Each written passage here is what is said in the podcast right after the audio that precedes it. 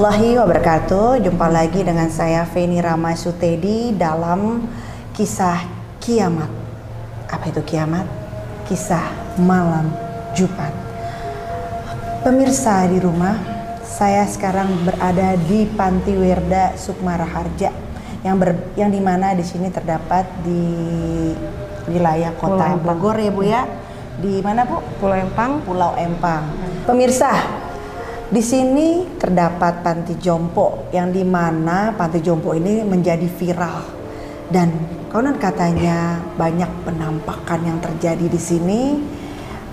Para warga-warga melihat ada penampakan seorang nenek-nenek ataupun seorang wanita dan ada suara-suara yang mengerikan, mengagetkan di sekitar warga dan tidak kalah seramnya lagi di sini masih terdapat eh, apa kursi roda yang di mana nih memang di sini memang sudah menjadi s- simpanan untuk eh, panti jompo di sini.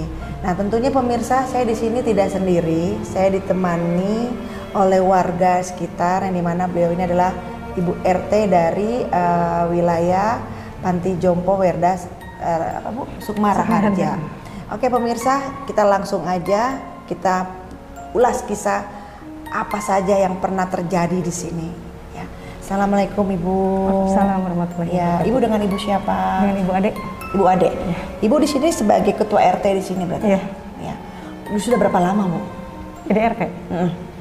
Hampir 10 tahun lebih. Wow, panjang juga per- perjalanannya Iya. ya. Ya. Nah, ya memang kan di sini kan uh, te- terdapat panti jompo yang di mana menjadi viral nih Bu panti jompo ini Bu. Banyak yang sudah mengambil kisah panti jompo ini dan tentunya kita juga ingin tahu uh, benarkah kisah tersebut gitu Bu. Nah, uh, panti jompo ini awal mulanya itu berdiri pada tahun berapa Bu? 1984. 84. Nah, terus berakhirnya ini sudah tidak ada lagi kegiatan Sekitar tahun 2016 ya. 2016 ya. Mm, 2016 akhir deh. Hmm. Sekitar segituan. Soalnya eh, itu sih setelah kedatangan Pak Wagub ya, wakil Ya. gubernur, dia ngelihat kondisi di sini itu kan udah nggak layak katanya. Soalnya eh, di sini itu ada dua aliran sungai. Jadi kalau misalkan di sana banjir, pasti kena ke sini. Padahal enggak. Gitu. Jadi mungkin karena ngelihat kondisinya juga seperti itu, jadi direncanakan untuk pindah Oh, ke gitu. Sukabumi ke Cibadak. Iya. Akhirnya tahun 2016 itu ya udah gitu. Akhirnya mereka pindah, Pindah ya? direlokasi ke sana gitu. Pemirsa, benarkah di sini bahwa yang mengganggu di wilayah sini adalah penghuni atau penunggu dari panti jompo tersebut? Nah, kalau yang saya rasakan Bu ya, dengan Ibu yang sudah benar dengar cerita dari para warga, kalau yang saya rasakan justru bukan penunggu sini. Iya. bukan dari para uh, uh, panti-panti yang di alam sini dulunya. iya. Justru kalau saya ngerasa gitu ya tadi ya tadi saya uh, ada sosok yang menyampaikan justru mereka justru di sini menunggu gitu kan kayak rasa kerindu. Jadi mereka beri, bilang bahwa bukan kami yang jahat, Hmm. bukan kami yang ganggu, bukan tapi dari sekitar justru sekitar luar gitu kan. Nah, kalau Ibu Ade pengalaman yang udah pernah Ibu dengar dari cerita kisah itu emang ada apa aja sih Bu di sini, Bu? Banyak sih. Hmm. Cuman kalau yang saya tahu sih karena ini kan eh, Panti Werda ini kan dia ada aliran selokan ya. Ya. Jadi tembusan dari sungai itu ada gonggo saluran air. Eh, saya kan emang dari kecil di sini ya. Jadi sebenarnya makhluk yang bukan makhluk sih, maksudnya penghuni alam gaibnya itu yang paling yang yang yang suka ngeganggu itu yang dari situ. Yang Iya. dari gonggo air itu. Iya, jadi bukan bukan wa- bukan, Bukan yang- nenek-nenek di sini. bukan bukan nenek di sini. Jadi Ah. terus eh, entahlah mungkin kan kalau makhluk kayak gitu kan bisa nyerupain ya bisa Iya, betul. nenek bisa nyerupain itu kalau warga sih sering ngelihat ya sosok nenek-nenek mungkin karena mereka menyerupai nenek-nenek yang ada di sini gitu Iya. Kalau tadi saya Bu, saya eh, tadi saya memang di depan situ saya melihat emang ada sosok gitu ya, perempuan tuh ya memang tua gitu ya. Tapi kalau yang saya rasa justru baik yang di depan situ terus di sini. Tapi kalau saya eh, tadi ada yang sebagian yang ngomong sama saya bahwa bukan kami yang mengganggu gitu kan, justru yang di luar-luar. Justru kami di sini malah uh, ini dia uniknya pemirsa. Tadi ketika saya datang ke sini yang saya rasakan bukan seram, tapi malah sedih. Hmm. Ya mungkin ya mungkin uh, di, konten ini ada sedikit berbeda ya. Tidak tidak semuanya selamanya seram, tapi harus ada memang yang harus kita sampaikan bahwa yang saya rasakan di sini justru sedih.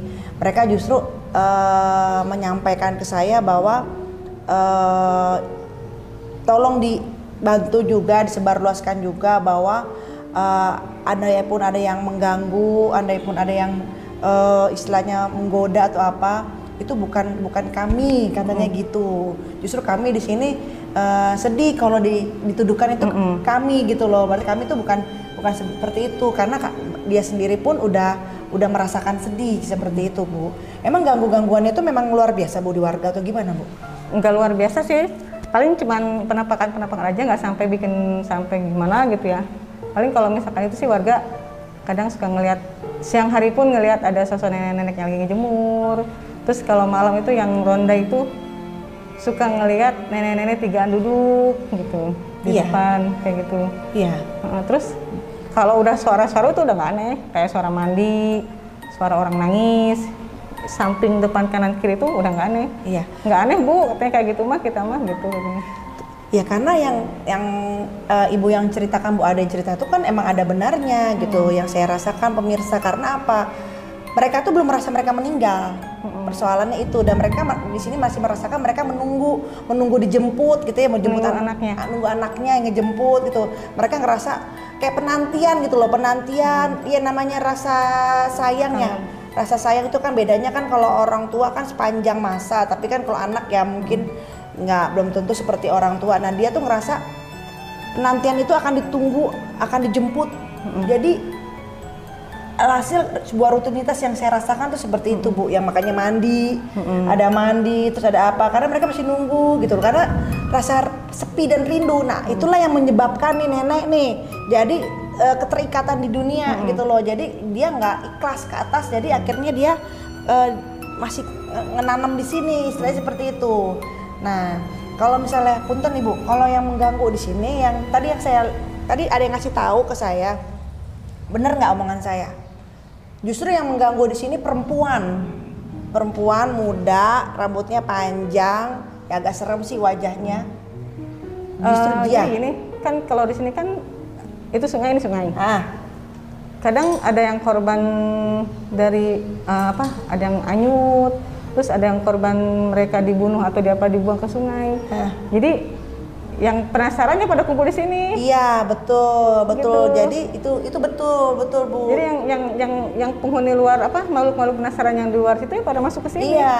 Karena jadi, ini kosong gitu. Iya jadi karena ini uh, pemirsa karena di sini kosong gitu ya. Jadi saya di sini mau meluruskan juga gitu mungkin hmm. uh, ada konten-konten sebelumnya bahwa sepertinya ini adalah Eh, nenek-nenek ulah-ulah nenek di sini di yang mengganggu sepenuhnya itu bukan kalau yang saya rasa ya pemirsa ya justru dia itu justru ingin mendoakan minta doa-doa dari kita tapi memang ada yang masih terikat di sini karena ya masih menunggu ya, uh, sampai ada nenek-nenek tuh setiap hari nanyain anaknya Iya, itu benar. Nanyain anaknya, kok anaknya nggak ngejemput? Nah, itu yang ada di sini. Sampai dia meninggalnya anaknya nggak ada.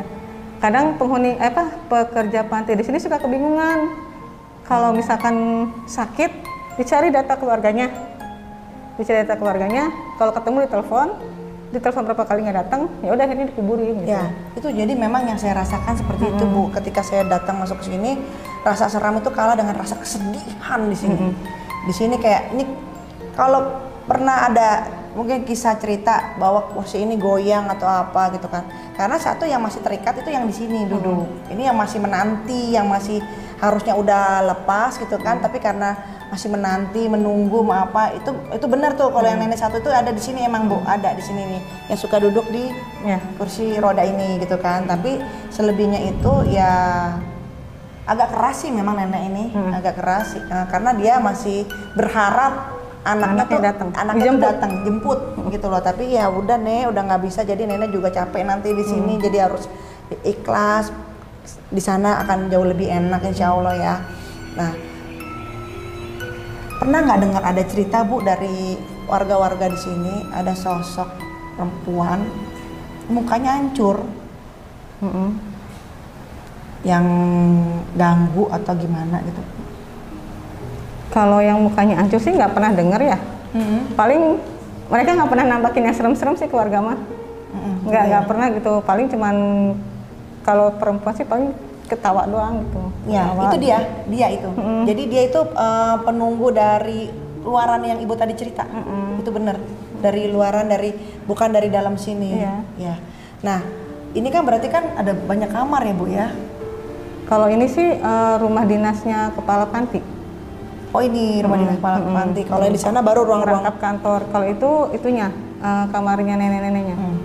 Nah, kalau selama ini mengganggu bu, ada nggak sih yang mengganggunya tuh sampai masuk atau gimana? Pernah nggak? Banyak. Oh iya. Kalau sampai kesurupan banyak. Di sini. Tapi nggak nggak pernah di, maksudnya nggak pernah ekspos. Hmm. Ya kan eh, warga kan suka aktivitas ke sini juga. Apalagi kalau misalkan sholat taraweh gitu kan suka pada sholat taraweh ke sini terus pada ngaji gitu. Terus kadang mereka suka pada main. Jadi gini eh, di sini dulu itu ada ada WC WC yang warga tuh suka ikut ke sini gitu. Hmm. Untuk untuk keperluan buang air kecil, buang air besarnya, buang air besar lah. Oh. Gitu. Jadi ada aja gitu. Cuman ya kita mah nggak ekspos. Jadi yang saya rasakan tuh gini karena aura yang aura di sini tuh karena memang belum ikhlas untuk pergi, Mm-mm. jadi akhirnya ditumpang Ya. sama yang dari luar-luar tuh kayak dimanfaatin gitu loh karena kalau andai pun ah, seandainya beliau-beliau ini ya eh, nenek-nenek semua yang di sini mungkin ikhlas gitu ya dengan keadaannya seperti ini nggak ditumpangin yang kalau saya rasain sih seperti itu. Di- di- dia lebih ditumpangin dari yang sekeliling sekeliling Ya. situ yang lebih bahaya sebenarnya yang sekeliling sekelilingnya Sama ini sih kalau kalau yang saya tahu sih karena yang dari Gonggo itu dari Solokan. apa Dari Solokan. solokan Iya. Jadi ini tuh ada ada solokan dari. Ini kan sungai di atas. Dia ada ada sodetan untuk solokan ke, ke pembuangan air sungai ke sini. Jadi penghuninya di situ. Ya itu tuh Eh, kayak genderuwo gitu. iya Mm-mm. benar Kayak genderuwo. Jadi itu yang ngeganggu sebenarnya. di situ Soalnya anjir tuh Nah, soalnya di situ kan ada rumah juga. Jadi ini ini kan panti, ini rumah warga. Solokan ini nebus nebus ke rumah warga itu. Yang saya sering dengar itu setiap yang kontrak di rumah ini pasti kesurupan, pasti digangguin sama makhluk itu. apalagi dua-duanya perempuan kan Kalau yang di sana ya, tapi kalau yang dari luar sini yang perempuan. nggak doyan ya sukanya Oh iya, iya, iya bener. Ya? Apalagi kalau kita dapat head ya sukanya sama perempuan ya si yang makhluk ini. Eh, dia suka eh, tadi saya nyambung ngomongan ibu ya katanya masalah gundruwo terus eh, masuk ke dalam selokan rumah kontrakannya itu pasti selalu kesurupan. Nggak boleh di situ usia usia 25 26 27 kontrak di situ nggak boleh. Iya. nah, Jadi soalnya ini rumah, jadi si rumah itu di atas selokannya gitu tuh, iya. Gitu. nggak boleh. Jadi dia kalau usia-usia kayak gitu apalagi pengantin-pengantin muda nggak boleh. Jangan ngontrak di situ sih kalau saran saya. Mm, di situ kalau yang boleh ngontrak di situ yang ya udah laki-laki aja single sering. single gitu Kalau saya sih dengarnya dari situ ya cerita-ceritanya. Kalau dari panti sih nggak ada yang serem. Tiap nanti makanya saya bilang saya lebih melihat kesedihannya malah Bu. Di sini merasakan kesedihannya. Saya bilang "Eh, jadi pemirsa jadi awal dari kisahnya yang viral ini gitu kan. Konon katanya di panti jompo ini seram sekali gitu ya dengan atribut dengan adanya eh, kereta dorong eh kereta dorong apa? Kursi roda. kursi roda gitu kan ya awalnya kan asumsi saya ini adalah sesuatu yang hal yang sangat sangat Krusial menakutkan krusial banget menyeramkan banget. Justru ketika eh, kami masuk di sini yang saya rasakan adalah sebuah butuh. Butuh apa? Butuh doa satu. Dan kedua ya mereka menunggu menunggu ya gimana sih sedih. Malah lebih kerasa kesedihan gitu kan. Cuman ya kasihan. Jadi akhirnya karena mereka tidak lapang tidak ikhlas akhirnya itulah yang menjadi ikatan mereka di dunia. Harusnya mereka udah tenang di sana itu buat Jadi gini, kalau kalau menurut saya ya, kalau menurut saya karena kan mereka suka pada izinnya ke saya. Saya suka bilang kalau mau nyari hantu atau mau nyari sesuatu yang misteri di panti, tolong kalau udah ketemu jangan lari, ajak ngobrol. Kenapa? iya saya bilang gitu. bener Ini mau udah ketemu malah lari, ajak ngobrol aja. Kenapa, Mek? egois seperti itu Heeh. Dan saya pikir kalau emang mereka benar-benar punya sesuatu yang istimewa dalam diri mereka, ya mereka harusnya bisa ngerasain. iya harusnya tahu oh bukan si nenek kok yang jahat? Enggak. Enggak kayak gitu gitu. Saya karena suka bilang sama yang yang suka ke rumah gitu yang suka minta izin saya bilang kalau ketemu sama hantunya jangan suka lari. Ajakin ngobrol kenapa? Gitu bener ibu. Itu bener. Gitu. Saya bilang Benar. nggak lucu kalau nyari hantu ketemu lari. Nggak lucu gitu saya bilang. Udah nyari lari. Udah, udah ditemuin lari ya bu ya? Iya. Kalau nyari ajakin ngobrol aja. Kenapa sih gitu? Iya. kenapa masih ada di sini? Saya bilang itu makanya saya suka suka bercandain tuh youtuber youtuber saya, saya bercandain. Tapi benar, "Oh iya tuh kalau mau nyari hantu mah jangan lari saya bilang itu benar. sok saya kasih kuncinya saya mah nggak apa-apa saya bilang Iya gitu. benar. Karena di sini uh, lebih banyak kesedihannya. Justru si nenek bilang tolong sampaikan gitu ya kepada ya warga-warga sekitar pada uh, yang datang ke sini sampaikan juga kalau bahasa Sunda teh "Teh, bukan saya bukan saya Sanes abdi." Heeh, begitu bukan nenek nggak gitu jadi gitu. eh, jadi gini karena di sini kan emang banyak makhluk dari sana dari sini ya soalnya ini pertemuan dua sungai teh Nah, sungai sungai Cipakancila sama Cipa- sungai Cisadane Heeh. kalau namanya sungai kan banyak makhluk ya Iya. di mana-mana ada Iya, pasti. pasti. Jadi eh, mereka mengatasnamakan nenek-nenek di sini. Kadang kasihan. Eh, misalkan ada warga yang meninggal. Nanti dia nyerupain si warga itu yang meninggal. Iya jahilnya tuh kayak gitu, gitu. padahal mah bukan si Eh, nenek bukan. Saya pernah, soalnya yang tukang masak di sini pernah cerita ke saya, kaget Bu Ade katanya, lagi masak, dipanggil, teh katanya. Pas nengok ke atas, si itu yang baru meninggal. Saya kaget, nggak mungkin teh karena orang meninggal baru-baru mau ke dunia, saya bilang itu. Untuk memperhitungkan amal perbuatan dia aja kan ya, gimana gitu. Di sini Iya, ya, benar gitu. benar ibu, ibu, ibu Ade benar bilang. Di sini kalau saya lihat ada yang masih terikat di sini, memang Hmm. ada. Ya karena itu dia, nenek belum mengikhlaskan, masih nungguin aja, masih nungguin kapan dijemput, kapan anaknya datang. Jadi sampai dia tuh lupa kalau dia tuh udah nggak ada di sini gitu kan. ya itu kan yang harus kita ingetin bahwa kalau nenek masih kayak gitu mulu, nggak ikhlas, Yang nggak bisa pulang. nggak bisa pulang. Kasihan nenek di sini. Nenek nggak tahu apa-apa jadinya nanti dituduh-tuduh kalau yang di sini nenek padahal bukan nenek di sini. Atau nenek di sana insya Allah lebih bahagia di sisi Allah subhanahu wa taala ya. Insya Allah nanti siapa tahu juga ada keluarga yang udah ada di sana gitu kan. Itu yang harus kita kasih pengertian gitu kan kasihan juga udah selama hidupnya sepi toh kalau dia udah nggak ada jangan istilahnya jangan dikitin kasihan ya gitu. Ya. itu sih yang yang saya rasain tuh kayak gitu gitu kan. Ya kayak yang yang paling yang paling yang paling itu yang paling apa ya orang tua tuh keras ya. Mm-mm. kalau kayak ibu kita gimana sih tuh kalau Iya, udah maunya kekeh gitu. Kalau udah maunya tuh emang yang ini nih. Nih pemirsa sebelah. Ini yang, yang biasa duduk di sini nih. Teh nunduk duduk itu nungguin nungguin. Itu ini yang masih terikat ini makanya akhirnya sangkanya itu semua tuh nenek nenek nenek. Ada tiga di sini Mm-mm. yang masih terikat. Mm. jadi rasa sayang dia kepada anaknya melebihin dari rasa dia kepada Tuhan. Kan nggak boleh ya kan? Kayak gitu ya, juga. soalnya kalau yang sering lihat sih tiga, tiga orang ini, tiga nenek ini yang sering muncul. oh benar ya Teh? iya Ya, tiga. Dulu kakak saya ronda. Jam berapa ya? Jam sebelasan lah, jam dua belasan lah, belum belum terlalu malam, jam 12 jam satu. Dia ngeliat ada nenek-nenek duduk tigaan di depan kantor. Jadi kayak orang nungguin gitu. Jadi kayak orang nungguin. tiga ada Dia tiga. kaget, ih nenek udah gitu. Yang lucu lagi nih, ada tukang roti. Ini lo maghrib. Ah. Ada tukang roti. Dia hujan. Ah. Dia berteduh lah di, di gerbang itu. Ini belum sekotor ini ya, Ah. masih baru-baru ditinggalin. Dia nanya ke tukang bakso, Mas, emang di sini masih ada penghuninya? Kenapa emang? Itu ada nenek-nenek tigaan. Oh, karena si mas bakso udah tahu ya. Oh, ya. udah nggak apa-apa, biarin aja. Oh, gitu? Tigaan. Oh, tigaan Pasti itu ya? tigaan. Iya, emang bener tiga. Mm-mm. Dia sahabatan tiga. tigaan. Paling seneng duduk di situ. Dia depan kantor. Iya, di situ paling seneng duduk di situ. Tadi juga begitu tigaan. Depan. Eh, nggak begitu tinggi, kurus gitu kan, nggak begitu tinggi gitu kan. Pakai baju putih segini bajunya, terus seneng dia duduk begini-gini. Tuh dia demen tuh duduk situ. Uncang-uncang kaki. Ah, jangan-jangan kaki situ nenek di situ kasihan. Saya tuh ngeliatnya bukannya bukannya ibu maaf ya nenek, bukannya gimana, ibu kan takut kenapa justru kasihan gitu kan ngeliatnya. Eh, nenek harusnya udah enak, udah tenang, Ih, masih nungguin deh. Datang, datang sih kayak gitu aja. Jadi Padahal dia dibuang sama anaknya. Jadi disimpan di sini udah gitu anaknya nggak balik lagi. Gitu. Kebanyakannya gitu di sini. Jadi datang sama keluarganya, dia ngasih alamat palsu, kasih nomor telepon palsu, giliran ada apa-apa, dihubungin susah. Kebanyakan seperti itu. Jadi saya kadang suka ngobrol sama pegawainya, jahat amat sih, saya bilang gitu kan. Udah punya ibu, udah tuh bukannya dirawat malah dibuang, saya bilang gitu.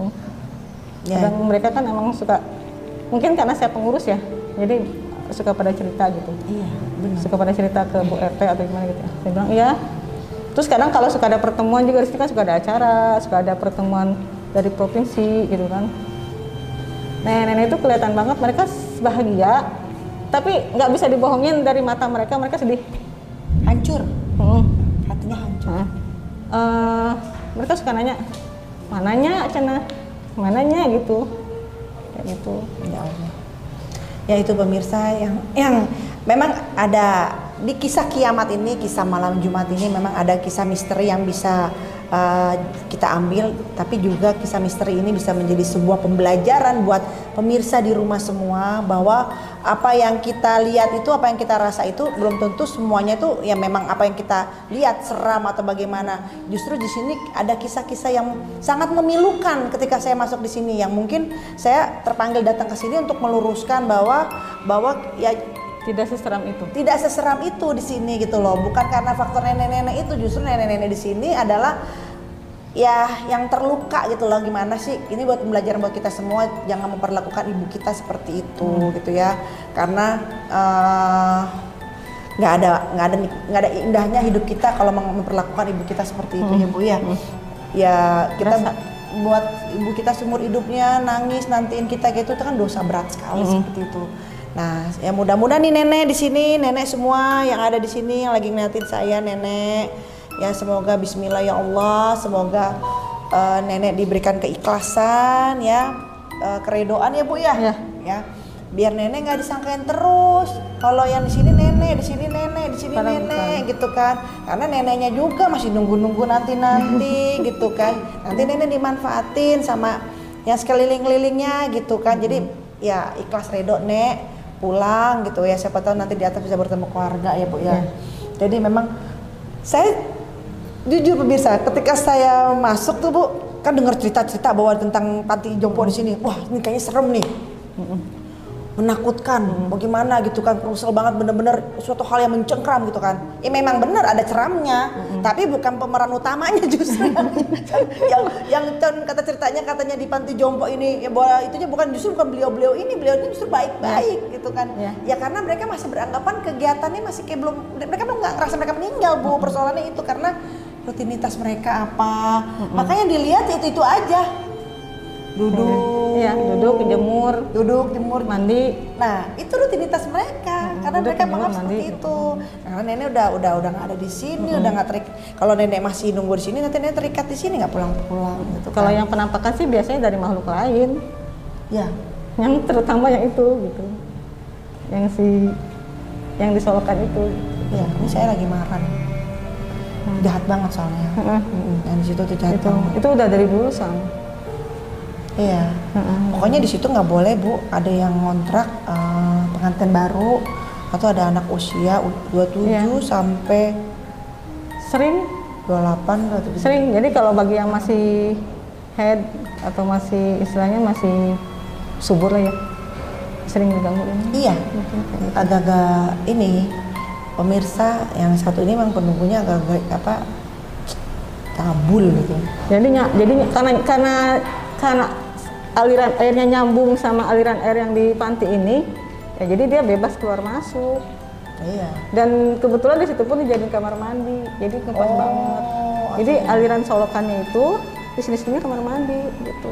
Jadi bebas banget gitu. Jadi kedemenan dia. Iya, kayak gitu.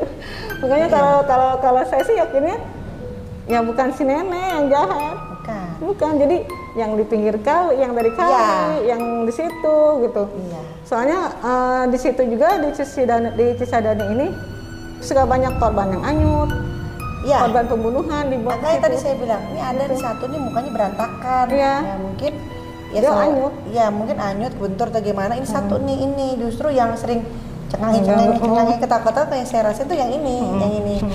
um, Perempuan. bukan si nenek. Iya. tapi kalau ada kayak mandi itu bener. Itu bener nenek. Itu karena kegiatan rutinitasnya dia gitu. Yang tiga nih tiga. Jadi ada tiga nih nenek-nenek di sini. Yang jadi dia beliau itu dibuang sama anaknya. Jadi anaknya ngasih alamat palsu pemirsa. Nitipin ibunya di sini terus pergi entah ke mana itu sih luar biasa sih ya sanggup hatinya gitu ke orang tua ya kayak begitu ya Apalagi kalau suka dibawa tuh dalam keadaan stroke, pas dibawa dalam keadaan Ini? sakit, ini nih gitu.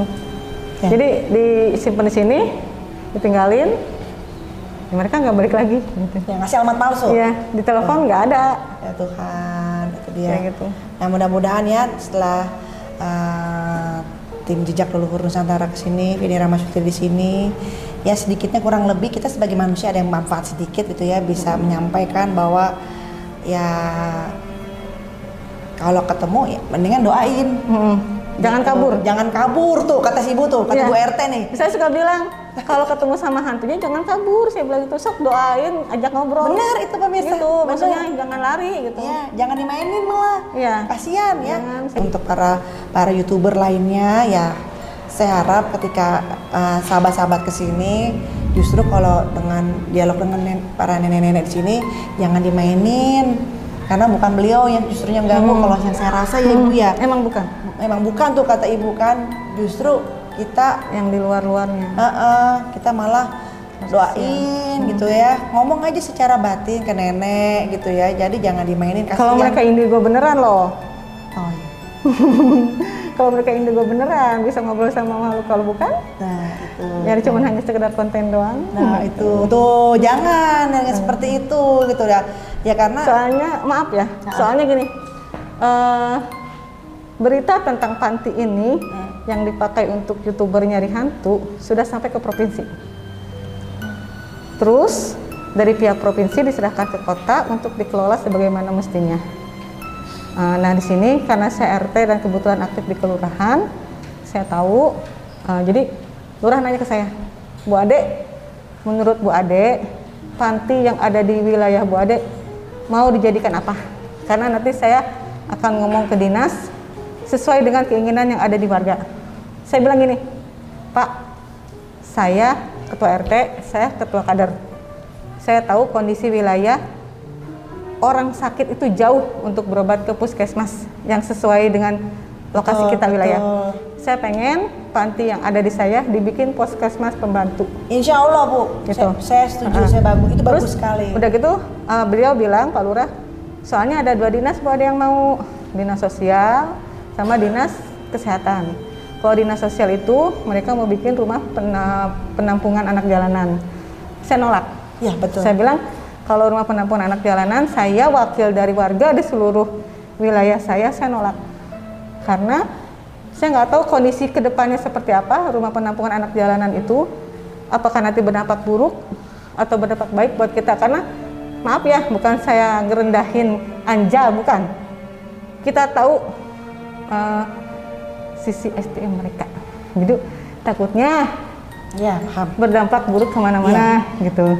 Jadi kalaupun emang mau dibikin rumah penampungan anak jalanan, tolong dibina benar-benar. kalau saya boleh bertahap pendapat ya Ya. Kalau saya setuju puskesmas Ya, pembantu. saya juga. Gitu. Saya sampai bilang ke Pak Lurah, Pak, sok saya mah mau disuruh kumpulin tanda tangan warga aja buat bikin ini panti jadi puskesmas pembantu, saya bersedia muter. ya betul Saya bilang itu sok. Kalau emang Bapak butuh untuk memperkuat eh, keinginan warga nih, warga Paledang yang emang jauh dari puskesmas ya teh, jauh jauh dari puskesmas, faskes kita, fasilitas kesehatan pertama kita. Ya saya sih ngajuin ini sebagai puskesmas pembantu. Saya udah bosen teh jujur. Saya udah bosen. Setiap malam diketuk, Assalamualaikum Bu RT, mau pinjam kunci, mau ke panti. punten, punten. Bukannya saya ini ya, Iya. karena saya juga merasa ada beban tersendiri gitu. Iya. Sampai saya lihat YouTube, YouTube YouTube-nya eh, Dinas Sosial Provinsi, ternyata rumornya panti ini jadi sarang, bukan jadi sarang, jadi tempat mencari hantu tuh udah ke mana-mana teh. Iya. Saya nggak mau. Jadi kalau- takutnya saya dikira memanfaatkan. Kalau saya datang sini berarti jujur apa adanya bener kan, bukan bukan bukan apa? Ya, nggak nggak nggak direkayasa. Kan ada rekayasa kan, benar tuh ya. Biasanya sih biasanya nih Ah. Sehari atau dua hari sebelumnya mereka suka ke rumah ibu punten nanti saya mau ke sini ya jam segini. Oh iya sok mangga saya mah mangga mangga aja dah kayaknya bukan punya saya gitu. Iya, iya. Kalau saya sih hayu aja. Iya. sok aja mangga tapi jujur saya nggak tanggung jawab kalau ada apa-apa karena ini bangunannya udah rusak Tuh. banyak semak belukar saya nggak tanggung jawab kalau nanti digigit ular atau nanti kena genteng yang roboh saya bilang itu Pemirsa, alhamdulillah kata Bu Ade kita memang nggak ada rekayasa di sini. Tadi seperti saya bilang Bu Ade, saya apa yang saya rasakan akan saya katakan. Nggak ada istilahnya di setting-setting atau apa nggak ada gitu kan. Seperti yang saya tadi saya datang bahwa saya tidak ngerasa serem, malah sedih. Iya. Justru saya saranin bahwa eh, justru nenek tadi nyampein bukan bukan kami, bukan kami, tapi kita juga harus ngingetin nenek. Ya udah kalau nenek nggak mau disangkain atau nenek harus ikhlas gitu kan. Nah memang untuk para youtuber sih saran saya kalau ke sini ya kalau ketemu jangan atau jangan dimainin yang di sininya gitu. Kalau berani main di luar. maksud saya ya Iya, Bu, ya. ya ajakin ngobrol aja Ya, gitu Kalau yang ini nenek tuh jangan dimain-mainin atau gimana kasihan karena mereka sendiri juga udah sedih ya kayak gitu hidupnya ya. Jadi ya mungkin nggak tahu ya mungkin karena saya tuh sama, sama ibu saya tuh deket banget. Jadi mereka nggak tahu surga surga itu di bawah telapak kaki ibu mereka nggak tahu saya sampai detik ini masih nyium kaki ibu. yang ngebuat yang pokoknya bukan pantai werda ini aja pantai werda di mana pun saya nitip kalau udah nitipin ibunya jangan ditinggalin Oh jangan ya. Jadi nih ibu ibu Ade alhamdulillah di Feni Ramasutidi bisa menyampaikan keinginannya gitu kan bahwa eh, tempat ini akan dijadikan puskesmas Ya. dan itu saya setuju sekali karena memang insya Allah nenek setelah ini ya nenek udah mulai memahami udah mulai mengerti ya. Bismillah ya nek ya. Jadi nenek jangan jangan terikat lagi di dunia biar bisa Tenang. pulang dengan enak. Kita bantu doa di sini kita sempurnakan. Nah itu dia pemirsa. Jangan kita mainin. Hmm. mereka udah jauh lebih menderita dari kita lagi gitu. hidupnya aja susah? Hidupnya susah meninggalnya masih ngegatung seperti ini atau jangan dimainin lebih baik kita doain. Ya, bu ya. ya gitu bener kan ya bu? Benar kalau saya sih jadi karena saya tahu eh, dari ini panti masih masih berdiri masih berproses di sini saya tahu eh, mereka suka pada bilang ke saya pegawainya aduh susah nih nyari orang nyari keluarganya nggak ada. Emang nggak ngasih alamat? Dikasih dicari nggak ada katanya. Di telepon nggak ada. Eh, saya bilang astagfirullahaladzim gitu. Amat ya saya bilang gitu. Banyak bu. Ya banyak ya seperti itu. Saya sampai bilang Gusti ini orang teh gak mikir apa ya? Yang dibuang tuh bukannya hewan ibu gitu. Nah ibu yang kesurupan banyaknya apa? Yang udah pernah ibu dengar cerita-cerita di sini yang kesurupan? Ya itu mereka kangen sama anaknya. Masuk gitu? Heeh, jadi istilahnya ngeluapin perasaan dia pengen ketemu sama anaknya gitu kayak ya gitu. itu dia makanya neneknya Gitu. keras bukan makanya. bukan bukan kesurupan karena apa-apa bukan. Hmm, dia pengen ngomong gitu. Iya. Karena pengen teman ngobrol. Gimana sih kalau kita nenek-nenek kalau butuh teman ngobrol? Karena gini teh. Eh, ini panti. Dia penghuninya 60 60. anggota anggota panti ini 60 orang. Dengan karyawan itu yang cuma 10 bisa kebayang nggak? Pak karyawan itu nggak bisa nemenin mereka ngobrol ya kan? Karena mereka juga punya kerjaan masing-masing. Pasti. jadi si nenek ini butuh teman untuk ngobrol butuh teman untuk berbagi cerita dan butuh teman untuk nanya ini keluarga saya ke mana ya? gitu. Jujur teh ini panti ini tempat favoritnya para caleg. Kenapa? Jadi kalau setiap pemilu caleg ke calon bupati ke calon wali kota ke siapa ke pasti datang ke sini. Mau ngapain? Nyari simpati. Nyari simpati maksudnya dengan, dengan cara? Ngasih sumbangan. Oh. Gitu. Kayak kayak gitu. gitu. Oh. Gitu makanya saya sekarang suka Allah cuma gitunya doang sih yang diperhatiin gitu. Kenapa sih mereka nggak merhatiin si neneknya itu gitu. Loh Iya. jadi cuma ngasih ngasih aja gitu. Iya, makanya mudah-mudahan setelah ini ya dilihat sama semuanya datang ke sini tolong doakan ngobrol jangan dimainin itu dong pesan saya. Iya kesian. Kasihan jangan dimainin kesian saya mah. kalau berani sama yang di luar. Nah pesan saya teh. Yang di pinggir kali. Yang di pinggir kali terus ada yang yang perempuan yang mukanya berantakan terus sama yang gundrua diselokan Hmm, nah kalau mau yang mau yang kayak gitu aja jangan sama si nenek digudak gadik ini jadi mainin nggak usah. Ya. Itu kalau saran saya sih seperti Iya, itu teh aduh alhamdulillah ya Iya. ini nggak Pesannya kalau saya sih buat youtuber nanti kalau ada lagi yang mau nyari ya kayak gitu gitu. Saya Iya. masuk aja terbuka. Saya nggak akan ngehalangin eh, kreativitas mereka ya. Cuman ya tolong jangan dimainin gitu. Iya, oh gitu. Pesan dari Bu Ade tolong jangan dimainin gitu ya. Karena jangan hidupnya jangan dibikin seolah-olah panti itu menyeramkan jangan. ya. Tuh pesannya alhamdulillah akhirnya Ibu keluar nih setelah sekian lama sekian lama. Iya, saya tahan teh. Oh, Karena saya gitu. nggak berani ngomong ya. Oh, Saya nggak berani ngomong, cuman karena teteh pembawaannya enak. iya. Maksudnya eh, emang bukan seperti itu gitu kondisinya. Saya tahu gitu. Oh gitu. mereka bener. itu bukan orang-orang yang jahat. Enggak, enggak. Mereka itu orang-orang yang kesepian, yang kesedihan Ya, gitu. Sepi itu loh mereka. Jadi saya kalau ada yang mau nyari tiba-tiba lari dibawa seolah-olah serem, saya kesel. Iya, Gitu aja. aja. dibuat serem itu ya Pak Darman. Padahal enggak. Kak. Yang keluarga sini aja kalau emang merasa serem ya udah kagak mungkin tinggal di sini dong. Iya, kan logikanya mereka betah. itu. gitu. Iya. Buktinya mereka udah terbiasa, ya udah biasa lah. Nanti kalau dibuat puskesmas ya doain ini jadi dibuat puskesmas. Amin, mudah-mudahan. Ya Bismillah. Saya mau diundang alhamdulillah. boleh, boleh, boleh. Iya, tapi memang yang tiga ini nih cuma bilang ya memang ini yang agak-agak yang ini agak keras. Oh ya, saya mau cerita waktu waktu pemilu juga kan di sini waktu pemilu eh, nggak tahu lah ya. Saya setelin dari malam sampai ke pagi menjelang pemilu saya setelin brotal adem. Jadi kayaknya mereka itu butuh butuh kiriman doa, Iya, betul. butuh kiriman doa, butuh dibacain ayat-ayat sursi juga gitu. Walaupun saya nggak tahu mereka agamanya apa ya, karena Nggak ada apa-apa. Cina, ada itu gitu, apa-apa. kayak gitu. Saya, saya tadi udah mohon maaf Allah, Allah, Allah kan lebih tahu ya. Dia juga nggak salah si nenek-nenek ini kayak gini. Justru anaknya akan menanggung Iya, semua ini. Iya.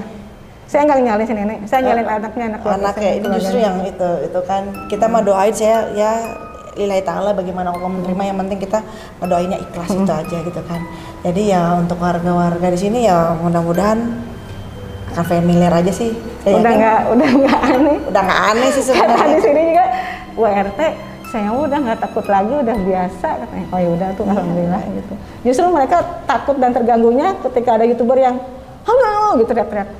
Hmm, jadi gitu kalau misalnya ada youtuber datang misalkan sampai teriak-teriak atau gimana gitu sampai kesurupan kesurupannya ke rumah oh gitu. WRT maaf atuh kalau ada yang ke panti jangan ribut aduh saya bilang kan saya mah nggak jagain mereka saya bilang gitu saya emang kasih kunci doang saya bilang itu gitu. mah bukan nenek yang masuk kayak gitu Iya. itu mah yang masa ya nenek masa nenek-nenek jadi frontal kayak begitu Iya. enggak lah enggak itu mah saya nggak tahu saya bilang gitu nenek. saya kan nggak ngejagain mereka untuk syuting makanya saya suka pesan kalau mau syuting mah enggak silakan saya tidak mau tidak bertanggung jawab dan saya titip jangan ribut. Justru yang jagain itu nenek. Mm-mm. tempat ini. Yang jaga justru. Mm-mm. Ah, jadi biar nenek-nenek kalau saya lihat nih justru dia masih ada punya itu karena dia ngejaga. Ya kan, karena dia ngerasa ini rasa rumahnya dia tapi memang yang di pinggir-pinggirannya itu ibu yang luar biasa yang suka ketawa tuh yang perempuan. Ya emang emang dia lucu nggak lucu juga dia ketawa Miske iya dia emang lucu nggak lucu ketawa emang karena yang bisa cuma gitu doang kan dia Iya, ketawa iya. aja gitu kan di situ ada kelebihannya gitu doang sama Allah ketawa aja Iya, ketawa aja. Memang udah jatahnya bagian ketawa kan kalau Miske kan. Kalau yang lain mah ya itulah. Kalau yang tadi Gundro itu agak-agak cabul sedikit. Iya, kalau pesan Gundro. saya tadi tuh Bu jangan dikontrakin sama ada usia perempuan usia dua pokoknya masih masa subur ya. 25 sampai 28 itu jangan ditempatin sama yang seperti itu atau suami istri.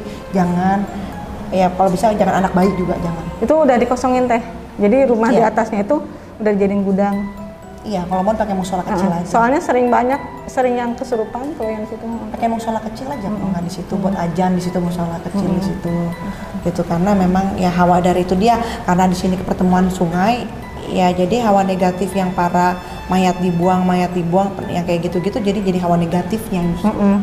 bukan dari sini jadi arah penasaran ya ya ya tapi bukan dari sini ya. Iya, dari luar dari luar semuanya ada yang kecelakaan, ada yang bunuh Iya, diri. iya. Nggak aneh di sini yang bunuh diri ada banyak di jembatan. iya iya jadi dari sekeliling situ bukan dari sini gitu Iya. kan di sini cuma ada hanya rasa su- sunyi dan sepi dan sedih aja Hmm. kalau yang saya rasa sih gitu ya Cuman kalau dulunya karena ini dulu bekas eh, tempat pembuangan mayat gitu. waktu zaman dulunya jadi ya masih ada aura-auranya juga ya kayak gitu dulu sebelum dibangun panti katanya sih gitu tempat pembuangan mayat-mayat yang pejuang gitu. Itu sama tempat jaga hewan. Sebelum jadi panti. Kata mereka yang bisa melihat dan yang tahu.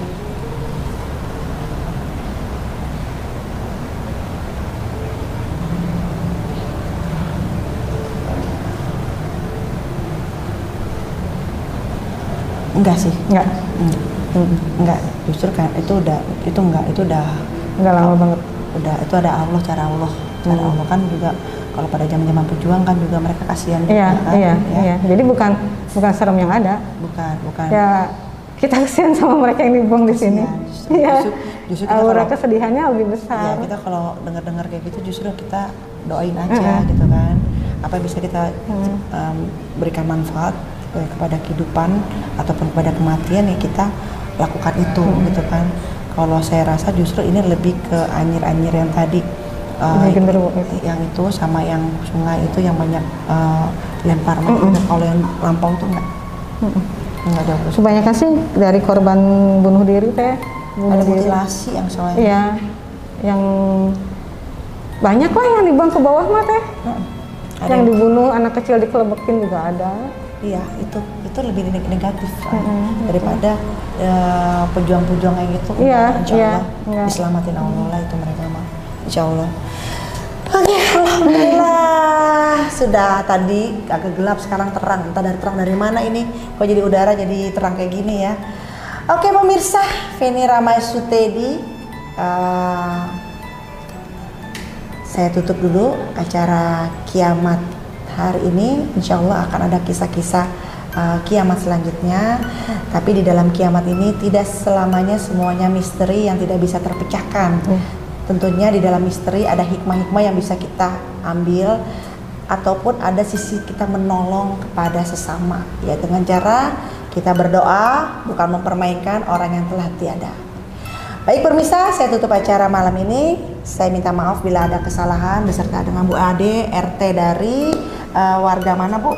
Pulau Empang RT 4 RW 5 Ya, kita mohon maaf ya Bu ya bila ada kesalahan, Ya, salah kata ya nah kita hanya manusia biasa. Pemirsa, semoga selalu sehat walafiat. Assalamualaikum warahmatullahi wabarakatuh.